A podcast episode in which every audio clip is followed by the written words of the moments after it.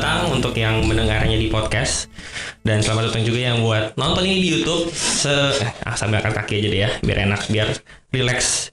Perkenalkan nama saya Manuel Marsen dan di video kali ini kita akan bahas beberapa uh, tema sebetulnya satu doang sih. Cuman maksudnya setiap kali konten seperti ini kita akan bahas beberapa tema. Uh, saya nggak sendiri, saya ditemani oleh salah satu ngomongnya pendeta muda bukan? Udah udah nggak muda lagi apa gimana? Masih muda, masih, masih muda, masih muda. Masih muda. Uh, kok saya manggilnya kok aja ya. Iya, kok, boleh. kok Andreas. Sampai sekarang kita kenal berapa lama ya? Wah udah lama. 2000 dari saya SMA 2 kayaknya. Iya, udah lama. 2012. Saya kenal Koko 8 tahunan ya. 8 tahun, Udah. tapi saya nggak pernah tahu nama belakangnya itu apa. Oh. saya tahu manggilnya Andres Rajawali. Oh, gitu. Andres dari GBI Rajawali gitu saya Oke, tahu. oke, oke. Emang namanya siapa kok? Andreas Ferianto. Oh, Wiharjo malah ada belakangnya. Oh, Ma- marga keluarga. Panjang ya, panjang. ya. Panjang. ya. Eh, dari gereja Koko sekarang di Masjid Rajawali ya, betul ya? Iya, gereja sekarang saya mengembalakan Raja Wali Church Hmm, yang, ba- yang yang baru. yang baru, Sunter. Iya. Bedanya apa tuh kok? Bedanya kita cabang dari GBI Raja Wali. Yang aslinya di Pademangan. Ya, betul. cabangnya di Sunter. Raja Oke. Wali Church. Eh, kita mau bahas satu hal sih sebetulnya yang mungkin familiar di kita kok. Kita bahas yang namanya insecure. Yep. Bahkan saya kita bahkan nih saya mau syuting aja nih insecure nih. saya ngerasa jelek nih sekarang nih rambut berantakan nih. Mohon maaf ya nih yang nonton nih rambut berantakan habis beli kopi tadi ambil kopi segala macam. Kita bahas insecure kok. Menurut menurut Google ya yang saya baca insecure itu adalah sesuatu hal menganggap bahwa diri kita tuh rendah Oke. mungkin semacam minder tapi mindernya lebih lebih ke banyak hal bisa jadi bentuk fisik bisa jadi eh, ekonomi Iya. dan sebagainya Iya. nah kalau saya sendiri saya pernah ngerasain koko dulu deh koko pernah nggak ngerasain minder maksudnya bukan minder insecure Itu penyakit saya bahkan. gimana dari dulu eh, masa muda sampai kira-kira udah nikah pun masih agak nempel tuh. Iya. insecure-nya Mm-mm. apa kok Saya dulu waktu SMP tuh minderan juga orangnya.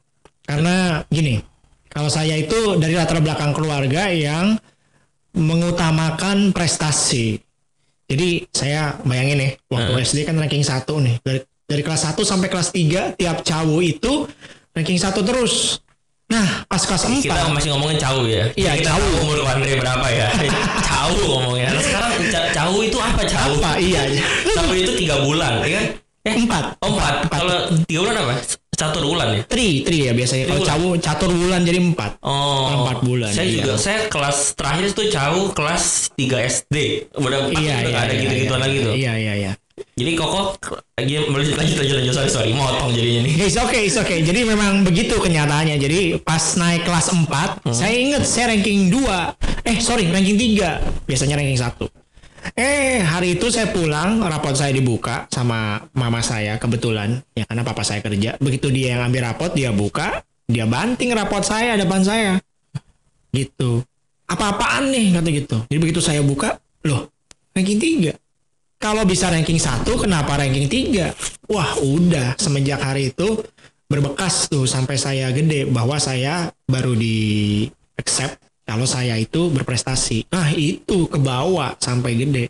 Eh, masuk SMP, saya kan terus itu masih prestasi masih bagus tuh 3, 2, ranking 2, ranking 1 lagi sampai kelas 6 ranking 2 umum dan seterusnya ranking 1 ya bolak-baliknya satu tiga besar itu masuk SMP bergaul salah Hmm. bergaul salah, ketemu teman-teman yang ngaco, yang hobinya pulang sekolah tuh mainnya zaman dulu masih ada Super Nintendo tau nggak? Waduh.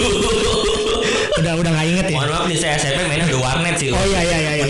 udah beda nih. Zaman saya itu mainnya Dragon Ball tuh, Oh. Super Nintendo yang Kamehameha tuh. gimbot ya. gimbot. Iya, Oh. oh. nggak gimbot, udah pakai TV. Oh udah oh. Iya, wah main begituan terus eh, terlibat tim volley, wah pokoknya mau jadi orang yang populer di sekolah ikutan geng-geng begitu nggak pernah belajar drop, Ya udah. Semenjak itu nilai saya di sekolah drop drop drop drop drop dan di rumah udah nyanyi terus jadi saya udah makin ini makin minder gitu. Dan anyway model saya ini juga model orangnya yang orang bilang apa ya clumsy tahu tahu clumsy ya? Kalau Ceroboh. Ya, jadi kalau kalau lagi jalan, kadang-kadang pintu sih kebuka lebar gitu, tapi bisa jalan tuh kesenggol, pegang barang tiba-tiba jatuh gitu. Wah itu semua julitan keluarga udah tahu tuh. Wah kalau dia mah orangnya cerobohan lah, pegang kunci apa ketinggalan ini segala macem. Jadi wah dari kecil itu sampai gede saya kurang lebih itu berlaku dan SMP saya tuh udah gemuk, hitam, pendek lagi dipanggilnya aja kate dulu tuh sama teman-teman satu eh, sekolah. Hmm. Itu menyebabkan saya minder. Tapi sekarang kok bisa tinggi, putih, terus nggak gendut lagi gue. Ini Ah. gimana sih? Karena banyak berdoa ya. itu, kuncinya itu rupanya. Iya ya banyak berdoa dan berpuasa ya. Nggak nggak mac- nggak lah, nggak tahu juga naturally begitu aja gitu. Oh, kalau saya sih lebih ke insecure banyak hal sih. Maksudnya kalau misalkan secara fisik sih udah udah kebal, udah baal ibaratnya. Kebal ya. Nah, Dari SD saya udah dikatain monyong udah berapa kali udah nggak tahu udah. Saya tuh jerawatan dari kelas 3 SD kok. Oke. A- agak aneh, bukan agak aneh sih. Memang aneh sih sebetulnya ya. Tiga SD udah jerawatan. Jadi saya dulu dulu pakai didi, tapi didinya itu Jadi itu bukan buat cuci tangan. ada cuci mukanya juga. Oh, gitu. Atau jangan-jangan si jerawatan gara-gara mau cuci tangan saya pakai ke muka tuh kayaknya. Tapi waktu itu saya ingat saya pakai didi eh, dan didinya itu expired. Oke Jadi deh, muka ya. saya tuh jerawatan dari kelas 3. Saya dijuluki jelita. Jelita. Jerawat 5 juta. Asia. Pada saat itu kelas 4 kelas 4 SD udah jerawatan. Jadi udah kebal lah fisik lah. Tapi kalau misalkan ekonomi yang agak sensitif sih. Sama sama. Ekonomi kadang-kadang, aduh sampai sekarang saya nggak pernah lupa sih. Mungkin ini yang bikin saya insecure juga sih. Eh, ada teman saya yang bilang, Manuel, eh, teman saya kaya anyway, dia punya rumah lumayan besar, terus dia bilang Manuel mah eh, orang susah, rumahnya aja sekecil upil. Saya eh, kelas 2 SD nggak nggak nggak pernah lupa sampai sekarang rumahnya sekecil upil. Hmm. Karena masih SD bapernya sampai sekarang aja Iya. gitu. Insecure yang yang lebih ke arah ekonomi sih. Sama. Saya waktu eh, kuliah gitu ya, mama saya bangkrut. Tadinya keluarga saya tuh eh, ya lumayan. Pokoknya mau makan apa tunjuk bisa lah gitu. Mm-mm. Terus di tengah jalan ada keputusan finansial salah ya. Mhm. Keputusan finansial salah akhirnya rumah kami harus dibayar ke bank sebagai penjamin kan waktu itu kan jaminannya rumah. Hilang semua mobil dari empat habis semua.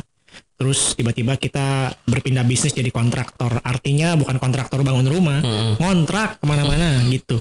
Jadi ya udah habis. Semenjak itu saya coba usaha juga sempat coba usaha ngerjain ya buka usaha tempat makan. Sebenarnya itu muncul dari insecure saya juga. Saya pengen dianggap orang saya pengen eh, karena tadinya kuliahnya kan lumayan tahu mingse ya lumayan tahu mingse tuh maksudnya saya juga kuliah di tempatnya tahu mingse juga sih ya kan di seberang Citraland 2 itu loh Oh iya. ya kan?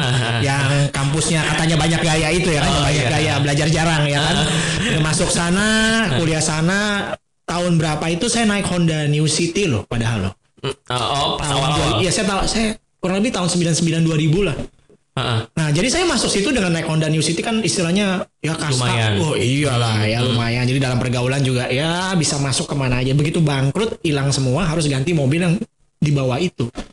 Habis sama saya juga berpikir gitu. Jadi saya merasa kalau ketemu oh insecure nggak tahu nih sama nggak kita ya.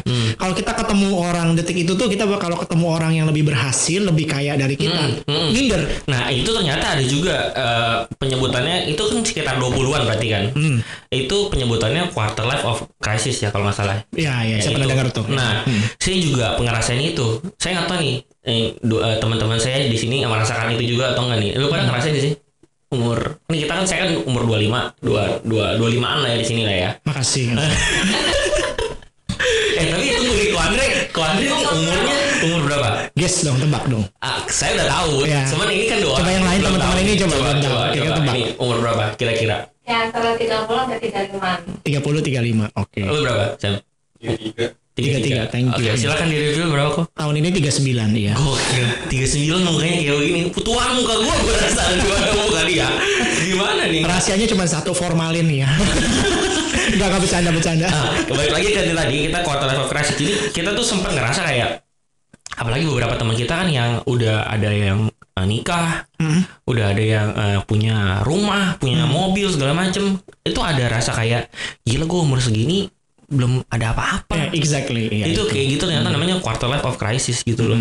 Apalagi kalau misalnya kita datang ke kondangan temen salamin terus Kapan? kapan nyusul gitu kan pertanyaannya udah mulai mulai keluar kan. Ya gue juga mau nyusul kalau udah ada duit sebenarnya ya. Cuman kan kalau ada duit ya gimana. Iya. Cuman maksudnya itu memang ada Kau kan juga ngerasain itu berarti. Saya ngerasain, apalagi kalau ya kita dari suku keturunan tertentu tuh, ya kan? Ya. Pasti punya satu nggak tahu dari mana itu datangnya udah ketanam di Iya. badan gitu ya kan? Betul, betul. Kalau kita nggak punya uang, nggak dianggap orang, bahasanya kan begitu. Hmm. Ya, jadinya itu menimbulkan banyak hal deh yang saya bilang tuh menghack ya hidup kita, sehingga Hmm. kita itu nggak nggak jalan eh, full full on our capacity kira-kira gitu. Iya sih, iya, iya, ya pokoknya suatu ras tertentu yang matanya tidak seberapa besar lah gitu. Hmm. Kita saya tidak bilang Cina, saya tidak bilang Cina, tapi ya itulah pokoknya.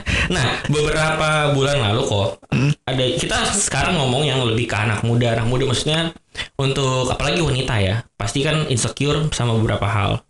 Iya. Terutama eh, berat badan misalnya. Pasti, iya. eh apa namanya eh, warna kulit biasanya Iya. eh, bentuk wajah Iya. ke konstruk gigi misalnya Oke. pokoknya begitu begitu kan pasti kan yang cewek mulai insecure tuh Iya. gimana cara kita sebagai kita ngomong sekarang eh, karena ini buat ya, YouTube gereja ya, Iya. ya. jadi kita ngomong bahas seputar kalau misalnya kita sebagai anak Tuhan nih gimana menyikapi hal-hal seperti itu ibaratnya kan eh, dunia menetapkan standar bahwa cakep tuh begini Iya. Eh, ganteng tuh segini Mm-mm. Manuel tuh udah jauh di bawah ganteng tuh. Eh, misalkan Andreas tuh ya bisa kategori ganteng tuh. Maksudnya gimana kita sebagai anak Tuhan tuh menyikapi hal-hal seperti ini gitu loh. Kalau dari sudut pandang saya, yang pertama kita punya sudut pandang yang benar dulu bahwa kita ini eh, dibuat Tuhan itu custom, itu dulu, Mm-mm. bukan mass production ya, yang artinya ya sorry kelewat nih, akhirnya lahir deh bentuknya kayak gitu, maaf ya, gitu. Lu benerin sendiri deh, ini, aduh, maaf kelalaian pabrik misalkan gitu kan, enggak ya, kita ini bukan mass production, Tuhan udah buat kita custom. Dalam artian eh, kita harus terima dulu nih diri kita itu dengan berbagai macam bentuk. Warna kulit apa segala macam yang udah kita nggak bisa rubah udah dari sananya kita mesti accept gitu. Terima dulu. Nah yang kita harus tempurin adalah pola pikir dunia itu eh in many ways saya berkali-kali juga sering ditanya kayak begini apalagi kalau saya sama istri eh, sharing soal apa eh, pacaran soal pasangan gimana memilih pasangan yang tepat. Saya selalu ngomong eh, cakep yang di dalam itu jauh lebih penting daripada cakep yang di luar menurut saya ya. Mm-mm. loh tapi kan mata nggak bisa bohong kan? Seperti itulah banyak lah argumen-argumen kayak gitu. Saya gini nih pernah ngalamin kita punya temen yang oke lah secara kadar kacamata di dunia mungkin ya. Kalau kita nilai 1 sampai 10 dia sembilan setengah lah gitu ya kan.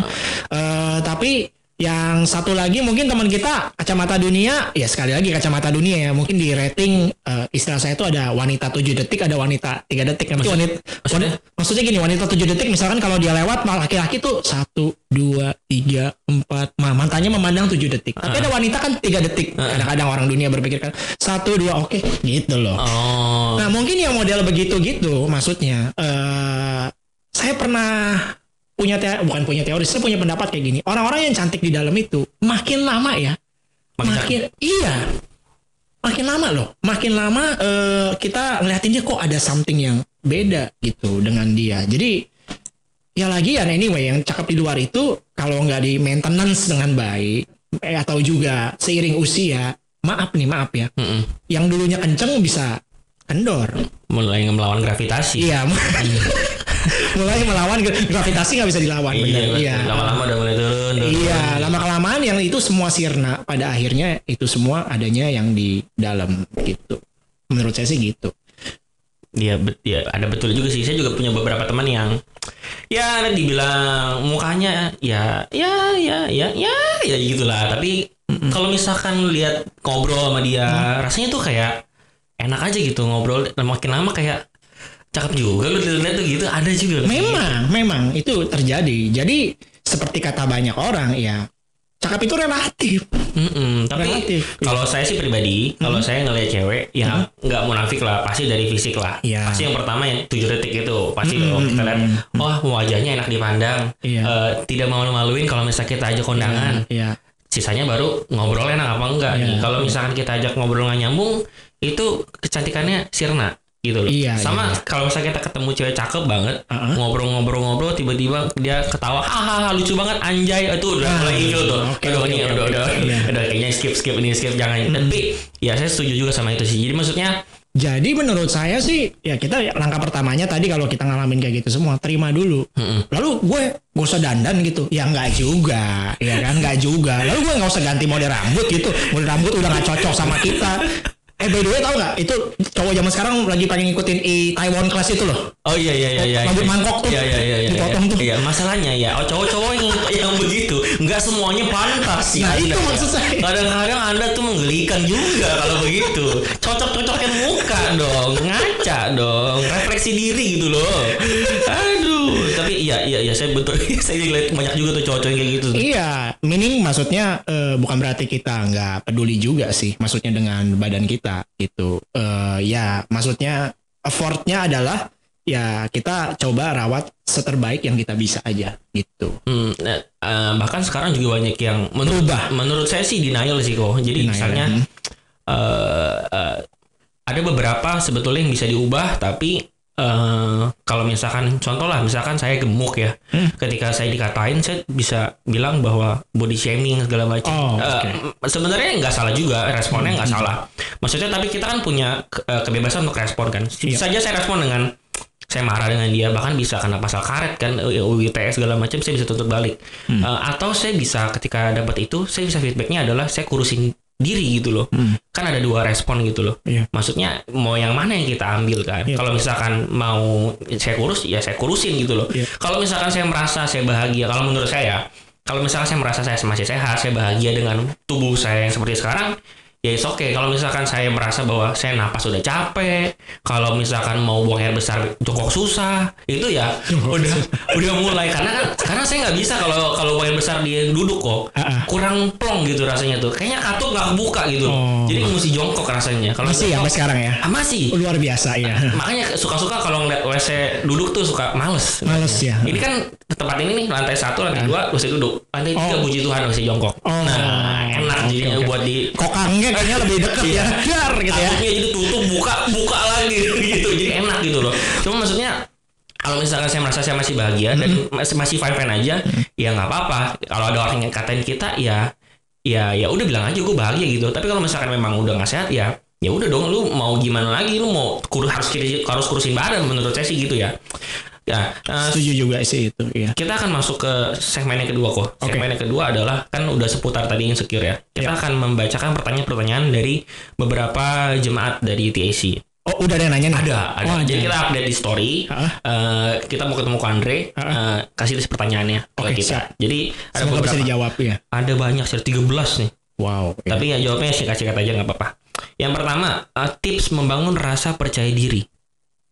Tips membangun rasa persa- persa- percaya diri sampai ke sleep. Ada asli betul. Mungkin minum dulu Oh ya. silakan silakan. Ah, ini tidak ini tidak Ini tidak sponsor ya, tidak tidak ya. jadi jiwa. Tapi kalau mau sponsor ya boleh juk sih ya. boleh juga jadi jiwa. Oke. Tips membangun rasa percaya diri kok. Saya ini dulunya orang nggak percaya diri. Seperti saya cerita tadi kan. Mm. Begitu banyak hal yang saya hadapin tuh eh, berdasarkan pola pikir dunia. Satu-satunya jalan saya bisa pulih adalah saya tahu saya dikasih Tuhan itu dulu. Dan saya nilai saya itu bukan ditentukan apa yang sesama saya ngomong, tapi value saya ditentukan oleh apa yang Tuhan ngomong dalam hidup saya. Final, pada akhirnya you have one audience sebenarnya. Brutally fake ya. Dalam artian kalau kita belajar kebenaran lebih jauh, Maksudnya? Eh, eh, kita hanya punya satu audiens yang perlu kita senangkan, ya Tuhan. Hmm. Itu sebenarnya ya. Berarti kita hidupkan untuk menjawab panggilan dia, untuk menjawab destiny dia. Jadi ya sebenarnya the final word itu mesti Tuhan. Karena kita nih hidup di zaman yang kita mau percaya yang mana. Orang bilang gue bagus kalau gue eh tadi Hmm. ini sementara di di bagian yang lain oh bagus kalau ternyata ini kalau kita ngerjain ngikutin terus apa yang semua orang mau gitu menurut saya kita nggak bisa berjalan maksimal di dalam apa yang Tuhan mau Oke. jadi untuk pertama-tama bagaimana kembalikan percaya diri itu satu ya udah kenali dulu nih sebenarnya Tuhan ngomong apa sih soal hidup saya then you will get free dan dan juga tentang eh, paham berapa nilai kita di hadapan Tuhan kayaknya saya pernah sharing ini di di THC Pernah pernah pernah. Saya pernah dengar juga. Saya ingat nih. gitu. Jadi kalau kita tahu itu, itu akan membuat kita lebih free ya, Hmm. lebih bebas gitu maksudnya gitu. Oke. Yang kedua, bagaimana cara anda menyikapi komentar-komentar orang lain terhadap diri anda. Oh iya ini sering banget ya apalagi sekarang udah jadi gembala ya. Wah. Oh iya pasti Hmm, banyak banget. Kalau ganti mobil, ih lihat tuh ganti mobil, ganti mobil dicap Ah. "Duit kita itu mah gitu. Ada kan kayak gitu kan? Ya berbagai pola tapi untungnya tim saya nggak begitu. Nggak, Gitu ya. nggak begitu Nggak banyak begitu. yang tahu ya. Tapi dalam artian eh, kita hidup begini ya kalau kita hidup apa kata dengan apa kata orang terus eh, nggak ada guna.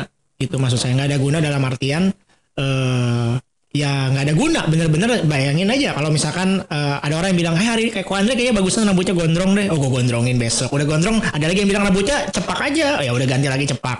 Yang udah ah, botak lebih bagus ya ganti botak. Eh, di highlight lebih bagus ya ganti highlight. Kalau kita ikutin terus itu kata orang who are you? saya mau nanya.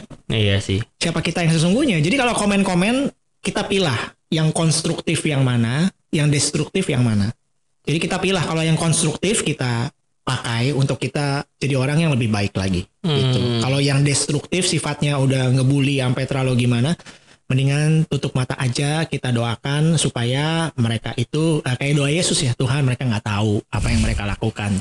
Tapi besok semoga kalau makan nggak bisa eh aja. Mungkin itu alasannya teman saya ini nggak pernah gunting rambut sampai sekarang ya. Mungkin bila lelah kayaknya dikomentarin mulu rambutnya ya. Gue gunting pendek oh salah, gue gunting panjang, gue panjangin salah. Udah gue panjangin aja sampai sampai sekarang dah, peduli. Samuel nih gondrong. Eh, tiga Eh, tips untuk generasi muda zaman sekarang yang sering insecure. Wah ini kayaknya dari tadi kita udah bahas nih ya. Itu udah bahas Ini. banyak ya. Ayat Alkitab untuk menguatkan kita eh, yang merasa insecure. Hmm, yang pertama kalau saya Kalau boleh saya berjaga-jagalah Anda. ada ada kok. Ada eh, kalau saya pertama-tama kita tahu dulu di Mazmur 139 ayat 13 sampai 16 saya bacain aja ya. Silakan. Eh, sebab engkaulah yang membentuk buah pinggangku, menenun aku dalam kandungan ibuku. Aku bersyukur kepadamu karena kejianku dahsyat dan ajaib.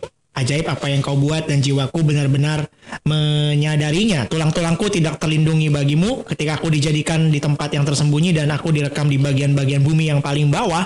Matamu melihat selagi aku bakal anak dan dalam kitabmu semuanya tertulis hari-hari yang akan dibentuk sebelum ada satupun daripadanya. Ini tulisan Mazmur Daud dia menyadari bahwa hidup dia itu sudah ada yang rancang dan bukan kebetulan dan he exists for a reason gitu. Hmm. Ya, itu itu ayat yang menguatkan kita. Atau kalau nggak di Efesus 2 ayat 10 yang lebih pendek karena kita ini buatan Allah. Jadi kita ini buatan Allah. Siapa yang buat kan penting, Mm-mm. Ya kan? Kalau eh nanti panjang lagi. Nanti kita kalau ditanya begitu nanti baru saya perpanjang. Intinya kita buatan Allah. Kita bukan- buatan Allah. Bukan Dicip- buatan Cina ya. Bukan, ya.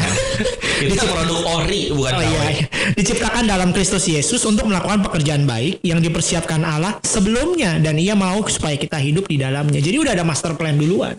Mm-mm. Baru kita dilahirkan. Blueprint lah. Blueprint duluan baru kita dilahirin. Sama kayak kita ya pegang semua produk ini. Sebelum produk ini nyata ada, plannya udah ada dulu. Baru produknya dilahirin. Hmm. Itu ayat yang nguatin saya terus bahwa keberadaan saya hari ini dengan tampang seperti begini, dengan orang tua yang ada di rumah saya seperti itu, di tempat saya berada itu exactly paling tepat yang Tuhan mau. Itu. Oke, pertanyaan berikutnya. Eh, banyak anak muda merasa dirinya nggak berharga. Cara untuk overcome bagaimana? Hah? Untuk melaluinya maksudnya. Hmm. Ya, untuk mengatasinya bagaimana? Ribet banget dia tinggal ngomong cara untuk melalui overcome gimana nih ya.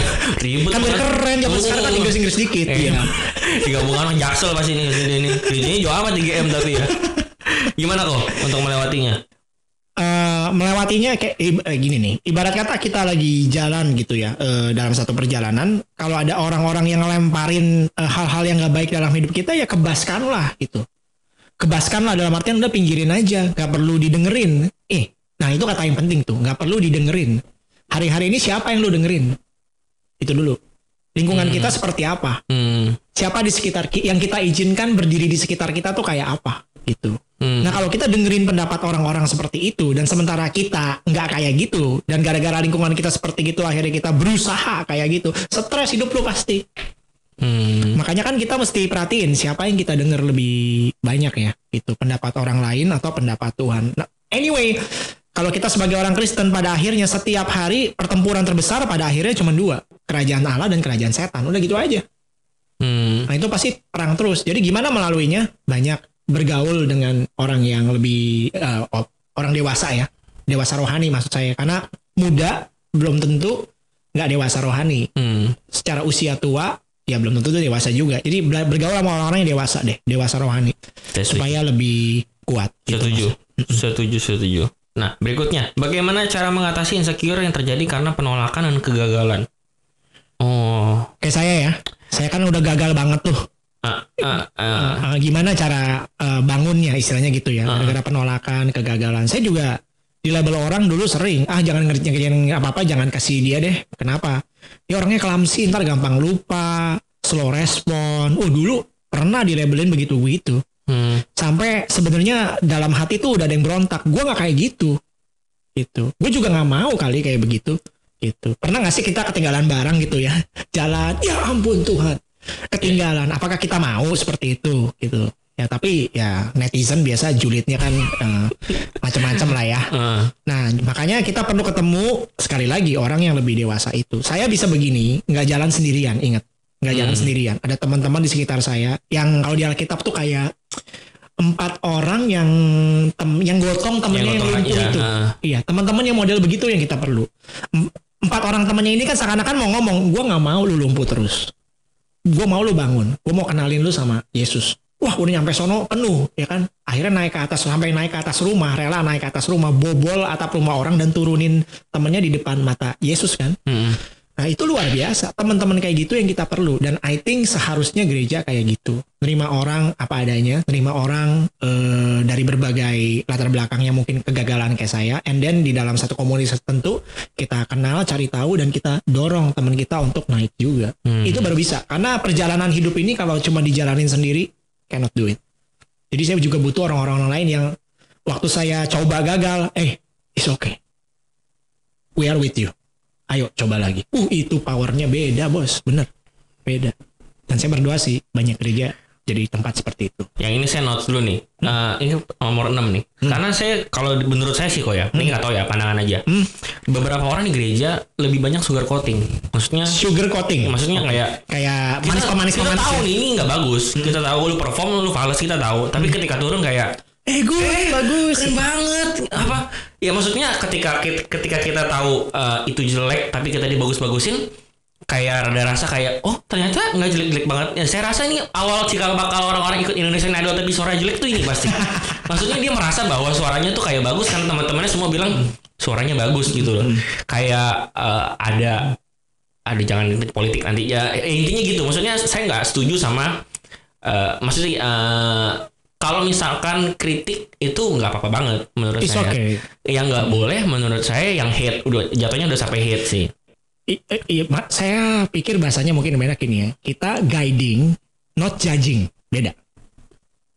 Anggap gak? Hmm, contoh Nah, kalau kita guiding tuh artinya kita membawa orang dari satu titik ke titik naik tertentu. Kalau judging tuh udah dijudge duluan, udah di label duluan. Ah, lu mah begini. Nah, kayak kayak saya bilang kritik tadi ada yang konstruktif, ada yang destruktif. hmm, Nah, bagian gereja itu guiding, mengarahkan. Kalau kayak tadi, sebenarnya kamu jahat. Kenapa saya bilang kamu jahat? Karena udah tahu dia fals, lu biarin.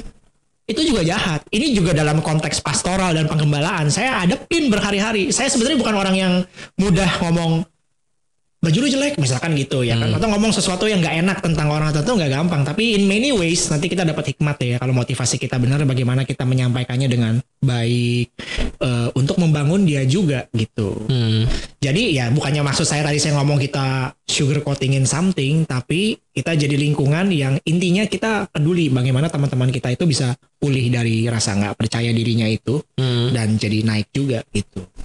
Iya maksudnya saya sih lebih ke arah eh, nggak apa-apa kalau jelek ya gue bilang jelek tapi ya gue kasih tahu nih yang bagus tuh sebenarnya gini lu mesti Ya. begini itu kan yang benar kan menurut saya ya kalau misalnya mau didebat ya nggak apa-apa juga sih It's okay. Itu kan motivasi hatinya yang penting kan Betul. kita eh, ingin membangun dia ya. betul Eh, apa dampak insecurities yang sangat mempengaruhi bagi anak muda yang dialami dalam jangka waktu yang panjang maksudnya oh Oh, misalkan kita dari kecil udah ada insecure, insecure, insecure. Ini dampak panjang Ya, ini apa nih? Ke saya ya, contohnya ya. Waktu itu eh, pola pikir saya itu merantai saya kuat banget. Jadi saya nggak bisa jadi diri saya apa adanya. merantai kok? Merantai, iya benar-benar merantai. Maksudnya merantai bukan mera- bukan merangkai bunga bukan, Hmm. kayak kerantai gitu, dirantai, dirantai. Jadi eh, saya nggak punya rasa percaya diri yang sehat. Mm-mm.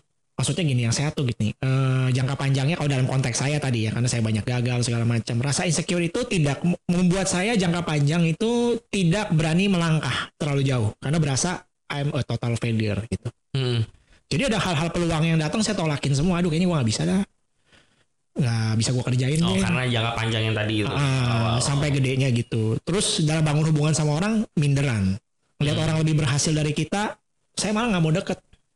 Kenapa demikian? Karena saya maunya hanya bergaul dengan orang-orang yang Iya, tanda betul. kutip under saya. Saya Hmm. saya istilahnya di alpha, alpha man gitu kan. Hmm. Al- Orang yang mem- memimpin puncak dan saya nggak secure dilihat orang-orang yang lebih hebat di sekitar saya. Jadinya malah awalnya mungkin mereka juga motifnya tulus aja, mungkin mau bantu, mau tukar pikiran, mau bantuin kita berbagai macam. Jadi malah nggak merasa, gue nggak perlu bantuan lo.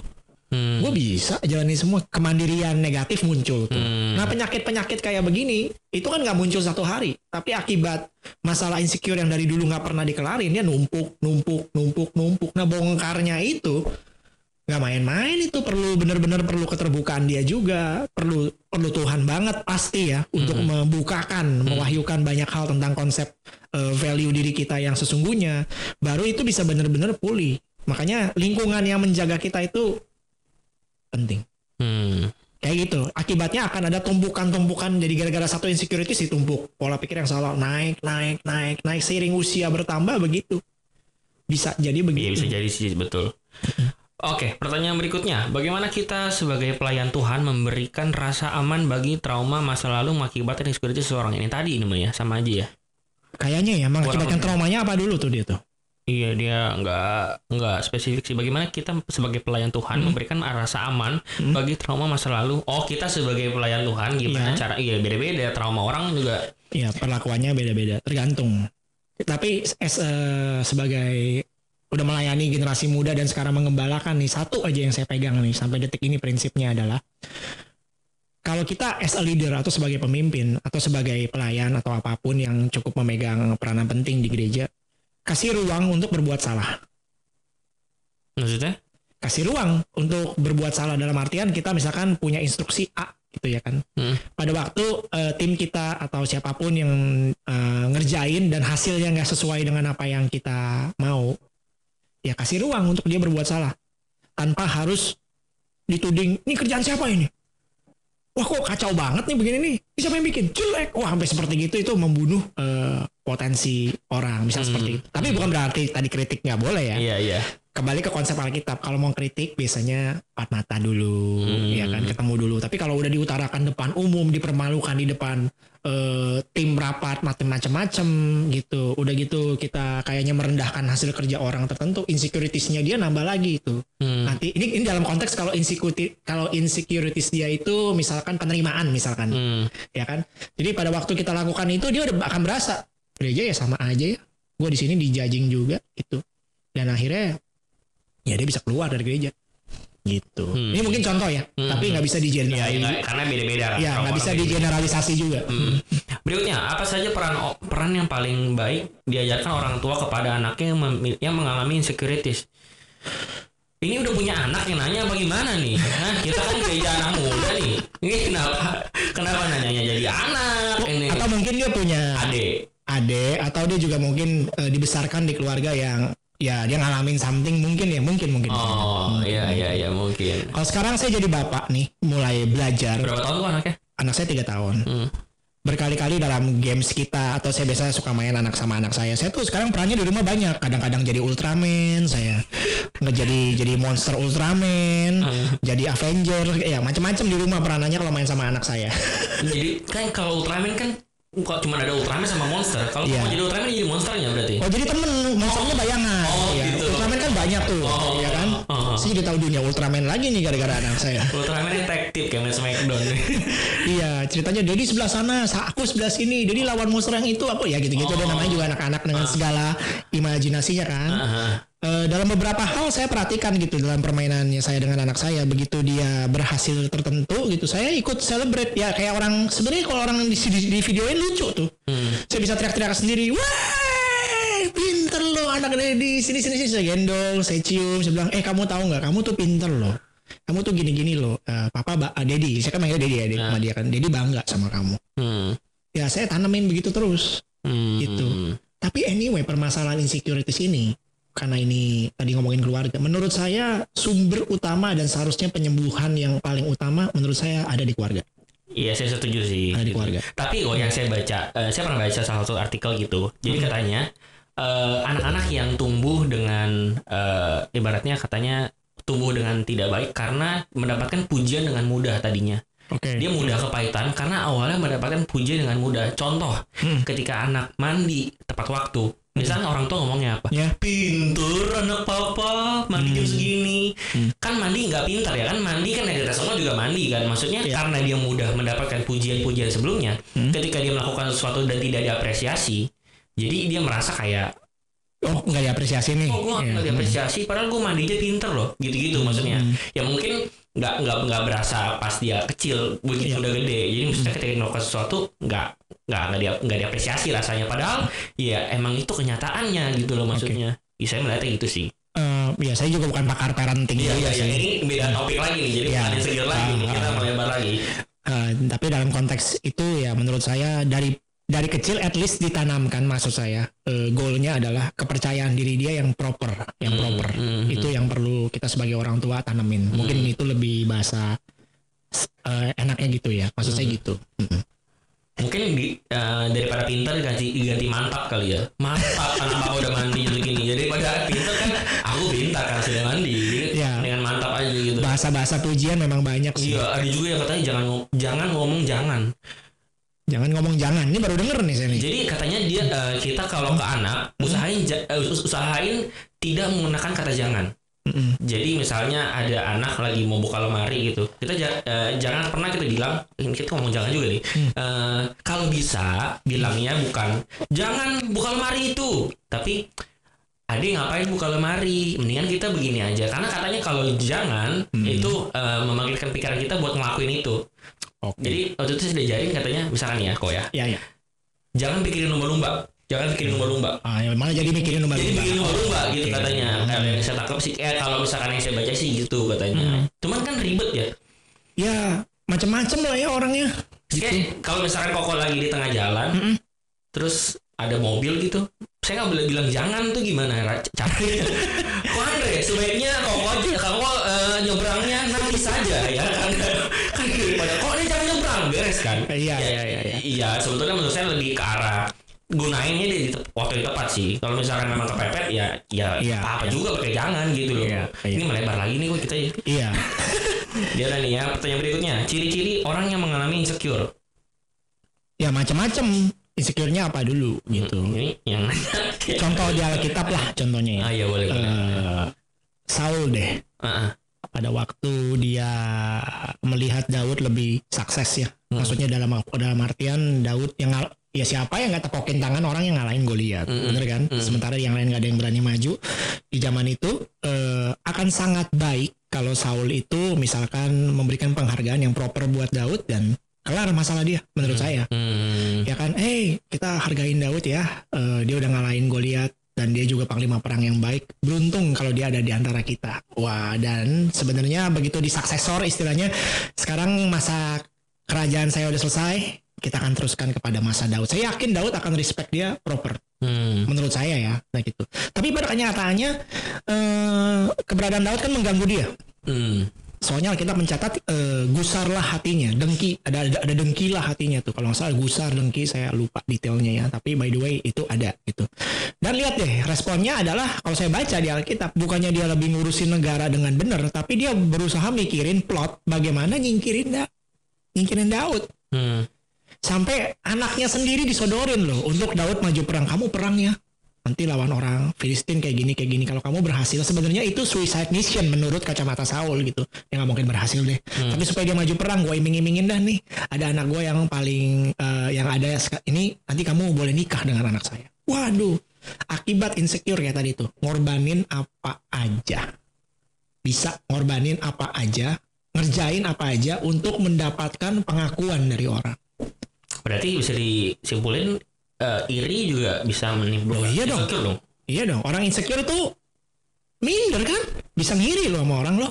Iya sih, masuk akal sih. bisa ngiri lo sama orang istilahnya kayak gitu jadi eh, macam-macam deh insecure itu kan bentuknya ada yang minder orang minder kan sebenarnya apa sih coba Ya, saya merasa orang lain juga iya saya. em, dan akhirnya dia kalau dia capai titik yang orang lain pengen capai kira-kira apa yang terjadi sebaliknya nih gue. Kan gitu bisa loh Hmm. gua dan sebagainya gitu. Jadi ya bisa ngerjain apa aja yang membuat dia itu ya maksudnya bisa rela ngerjain apa aja untuk melawan insecure-nya dia. Eh, oke konteks saya kebalik. Bertalian dengan tadi ini mumpung ingat. Saya tuh jadi ngerjain bisnis supaya saya dianggap oh itu dulu motifnya itu. Hmm. supaya kartu nama gue keren aja nih. Direktur A eh, owner dari restoran A padahal duitnya ya saya kasih tahu aja saya coba cari pinjaman online bagaimana caranya saya coba pinjam segala macam eh, min- me- memanipulasi orang tua saya eh ini kan mau bangun bisnis lo modalin dong biar gini-gini padahal motivasi saya yang paling kecil dalam hati saya saya mau orang mandang saya Keren. di atas. Tapi itu buyar semua. Habis semua rencana itu. Sampai sampai sampai ya titik pulihnya adalah pada waktu saya melepas gengsi saya itu tuh. Rasa insecure saya itu saya lepas and then boom boom boom boom boom boom boom boom boom boom boom banyak hal aneh-aneh terjadi dalam hidup saya dalam artian yang baik ya. Hmm, masuk Gitu. akal sih, masuk akal. Eh, berikutnya, insecurities sangat eh, apakah insecurities bisa dikategorikan sebagai mental ill, mental sickness? Mental illness kali maksudnya ya. Basically ini mesti psikolog yang Iya ini kita, Jawab. Hmm. ya, kayaknya saya juga tidak merasa punya kapabilitas untuk jawab ini ya. Anda kira saya ini tahu segalanya ya Anda kira ya. Insecurities sangat berkaitan dengan gambar diri yang hilang. Ya, Bisa, pasti, jadi- pasti. Bisa diakibatkan karena kekerasan di keluarga. bisa Bagaimana menyikapi orang yang mengalami insecurities karena perilaku orang tua yang kasar? Oh tadi udah kurang lebih ya. kurang lebih ya. ya. Yang terakhir akhirnya nih, apakah ada hubungan rasa insecure dengan iman yang down? Tinggal ngomong iman yang turun kenapa sih ini iman yang down ribet banget? biar, biar keren. biar keren. Harus dicampur-campur. kayak anak-anak zaman sekarang ngomong gue gue tuh kind kind like kind like gitu Ah, gitu gitu ya, loh which is, ya, which is, ya gitu Gimana kok? Ada hubungan insecure dengan eh, iman yang down? maksudnya iman yang turun ya konteks iman yang turun itu kita per, nah ini yang nanya mesti diperjelas sedikit lagi iman yang turun yang dia definisikan tuh kayak apa ya, oke tapi kita coba tangkep bayang-bayang ini ya Hmm. Berarti iman yang down saya anggapnya dia sudah mulai tidak percaya Tuhan. bisa Bisa jadi. bisa jadi gitu kalau konteksnya tadi kalau iman yang ya orang yang insecure nggak percaya Tuhan ya bisa sih berelasi seperti itu bisa direlasikan seperti gitu karena dia mungkin nggak berasa Tuhan di pihak dia Bisa jadi. Hmm. Iya betul juga. Betul betul betul betul. Kok Tuhan masa tega banget sih kasih aku putus sama pacar aku? ya seperti itu Masa Tuhan tega banget pacar aku sekarang sama Si A, si iya, B, ya. sama cowok-cowok yang brengsek-brengsek gitu gitu. Bisa Oh, jadi, bisa iya. jadi. Apalagi ada tekanan pada waktu kita bilang I love you, cuma dibalas senyum, ya kan? Kita bilang kangen, dibalasnya WK WK WK WK doang. Oh, udah galau, udah galau hati. Itu sedih, sedih juga ya kalau kayak gitu. ya. Sedih itu. Uh, soalnya kita nggak bisa pacaran soalnya kita beda kita beda agama eh tapi kita pacarnya sama beda agama juga ya Ah, itu kayak gitu, udah. gitu mungkin Iya, Kenapa iya. Tuhan Tuhan kenapa kamu tidak adil Tuhan gitu, gitu udah mulai ya, Dia merasa Tuhan nggak di pihak dia. Heeh. Dan Tuhan kalau baik, Tuhan baik apabila semua yang dia pikirkan jadi kenyataan. Jadi Tuhan tuh kayak kita bilangnya kayak vending mesin tau gak vending mesin yang yang warin minuman tuh. betul udah Tuhan- masukin koin kok nggak keluar Iya. minumannya Tuhan gue udah masukin duit nih ya, gue udah masukin koin nih, ya kan? Gue udah pelayanan ke gereja, bukan perpuluhan saja, per, per tujuh puluhan mungkin, ya kan? Dan segala macamnya itu. Begitu udah masukin semua, gue pencet, pencet, pencet, pencet. Kenapa Tuhan gak kasih juga? Jadi kadang dia merasa Tuhan gak di pihak dia, dia makin berasa dunia udah menolak gue, Tuhan pun jangan-jangan juga menolak hmm, masuk akal masuk akal gitu Oke. jadinya kira-kira menurut saya kayak gitu tapi itu mesti dipulihkan loh kalau kayak gitu loh karena pada prinsipnya Tuhan mau yang terbaik dari versi Tuhan ya buat hidup setiap orang Hmm, iya oke, masuk akal. Ah, kita selesai kok pertanyaannya. Yang terakhir kita ada permainan kecil-kecilan. oh siap siap siap siap siap Nah, gimana nih kemarin? moga-moga ada eh, apa orang-orang dapat sesuatu ya di pembicaraan kita Iya, ya iya, semoga, semoga. Ada nggak sih? Ada dong, ada, ada, ada lah. Masa, masa yang nggak ada? Ini udah 5, 44 menit kita ngobrol. Siap. Harusnya ada yang bisa diambil. Baik sebutin. Iya, lu yang sebutin. Ah, jadi permainan gimana? Lu aja yang. Oh gue jelasin kan seolah-olah gue pengennya gue nggak tahu. Oh, iya. Jadinya kelihatan gue tahu dong gimana sih? Eh, kita lupakan adegan ini. Iya, iya, kita iya. ambil tongkatnya, tongkat MID dulu. ya. Oh iya jangan lupain itu ya. Jadi insecure ngomongnya. Jadi ngomongnya ngomongnya jadi insecure gimana? Jadi intinya kan aku sebutin satu kata. Hmm. Kamu sebutin tiga kata yang mendeskripsikan satu kata itu. Udah. Oke, kita coba ya. Kita coba. Oh, saya kasih tau dulu nih, dia nih lumayan insecure sama suaranya sendiri. Dia merasa suaranya cempreng karena sering seledekin juga sih. Oh. Berarti tadi insecure bisa muncul dari, Ah, dari- wah banyak tuh ya. Ya, dari teman yang dari kurang teman ajar, yang kurang ajar Iya. ya kan. Kayak tadi saya udah sebutin di sekelilingnya. Betul. Aduh, orang tua macam-macam lah ya. Jangan contoh saya. Gimana? Siapa dulu? Gue dulu apa siapa dulu? Coba mana dulu ya? Mana dulu? boleh, ya. boleh. Nih saya kalau ini saya kata-katanya nggak tahu nih. Iya, iya, iya. Dendam. Iri, najis, eh, jahat. Kenapa gue pikirin? Oh gitu, satu kata kita pilih tiga kata juga ya. Karena orang- eh dendam na- eh iya sih ya lumayan na- najis sih lumayan najis menurut saya ya menurut Ya saya. kamu gak pernah dendam sama orang. Eh eh, ya maksudnya gue juga najis gitu loh. Kalau gue dendam sama orang juga gue juga najis maksudnya. Oke. Koko. Ya oke. Motivasi. Perlu eh dari dalam gara-gara Tuhan. Beda sekali ya respon jawabannya ya. Beda, sekali. ya beda, beda, beda. Beda sekali. Iya. Seperti tadi kan mau menyalahkan Tuhan, menyalahkan setan. Beda beda. Saya di tengah-tengah ya. Ya, apa lagi? Cinderella. Cinderella. Eh, bodoh. Eh, lebay. Eh, eh, drama. Se- se- Sebentar, kenapa sebenarnya bodoh? Coba jelasin dulu. Kenapa sepatunya bisa ditinggal? Oh iya.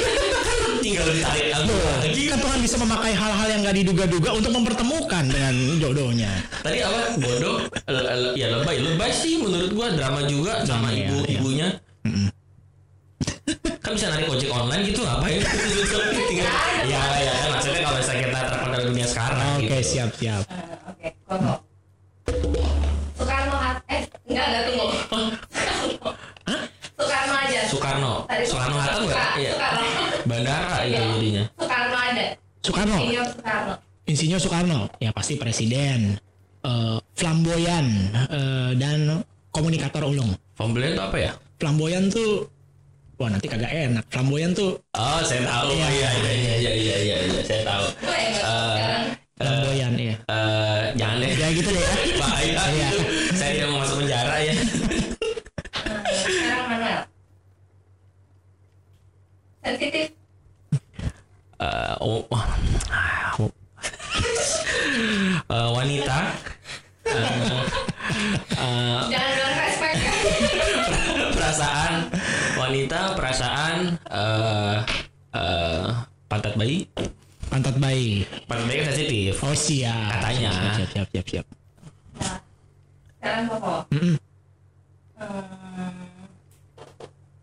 apa ya? Menyendiri. Apa? Menyendiri. Menyen, Diri. menyendiri. Putus cinta. eh aneh.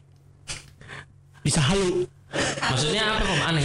Orang yang menyendiri. Iya, bisa jadi orang aneh loh. Oh, iya, benar sih. gitu. Bisa jadi orang aneh ada halu, halu, berhalusinasi maksudnya. Iya. Ini selesai. Ya mau lanjut ada lagi. Satu lagi terakhir, terakhir, terakhir, terakhir, terakhir. Biar pas 50 menit. Superman. Oh, Superman. Is that?